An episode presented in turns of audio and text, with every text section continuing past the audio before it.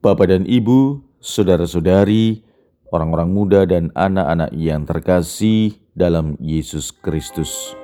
Selamat pagi, salam bahagia dan salam seroja untuk kita semua berkah dalam. Bersama dengan saya Romo Antonius Garbito Pambuaji menyampaikan salam dan berkat Allah yang Maha Kuasa dalam nama Bapa dan Putra dan Roh Kudus. Amin. Hari ini Jumat 21 Mei dalam hari biasa Pekan Paskah ke-7 Novena Pentakosta hari ke-8.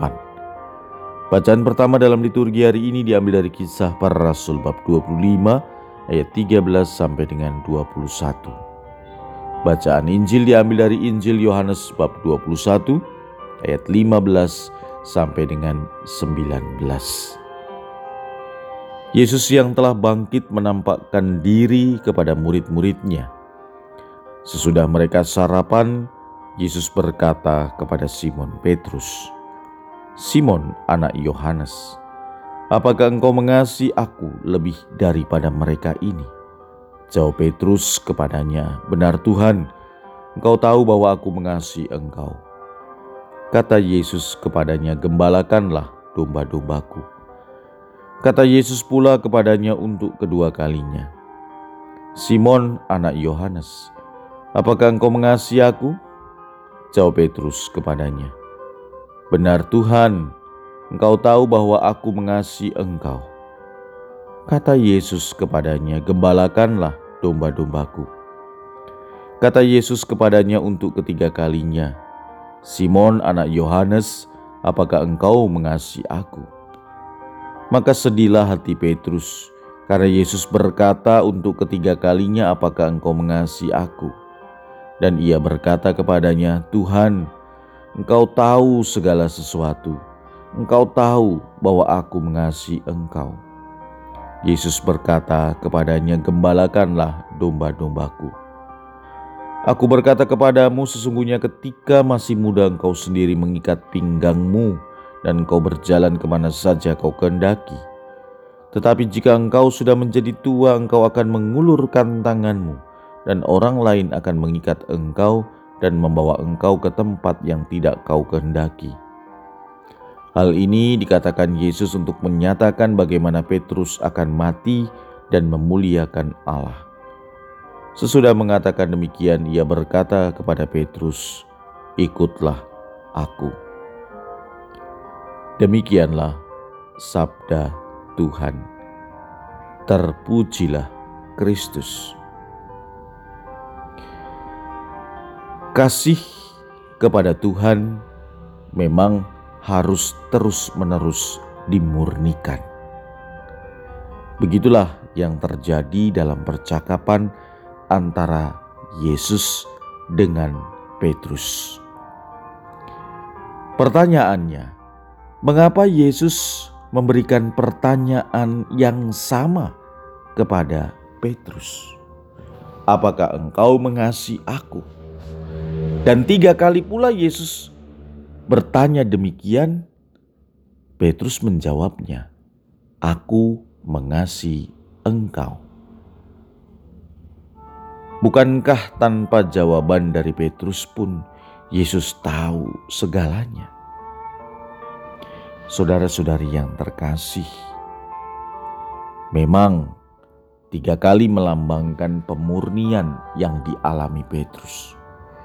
Kita tahu sebelum Yesus wafat, Petrus menyangkal siapa Yesus. Dan kisah Injil hari ini terjadi setelah Yesus bangkit. Kasih Petrus dimurnikan sampai sungguh-sungguh lahir dari hati yang terdalam. Maka tergambarlah di sini pengampunan terjadi. Petrus diterima kembali oleh Yesus. Saudara-saudari, maka dua hal yang bisa kita renungkan. Betapa kasih Yesus besar bagi kita yang kedua, seberat dan sebesar apa pun dosa dan kesalahan kita, Yesus tetap memberikan pengampunan.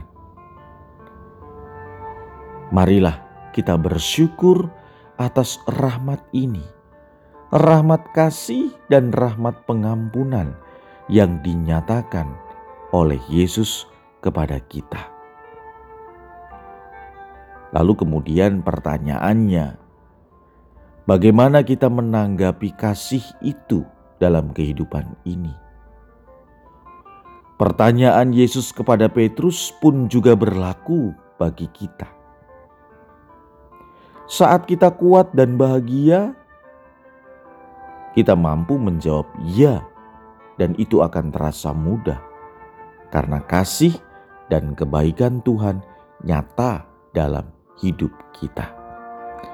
Namun, pertanyaannya, apabila saat badai, tantangan, cobaan ada di depan kita dan berjalan bersama kita, apakah kita juga masih mampu mengatakan bahwa kita mengasihi Tuhan?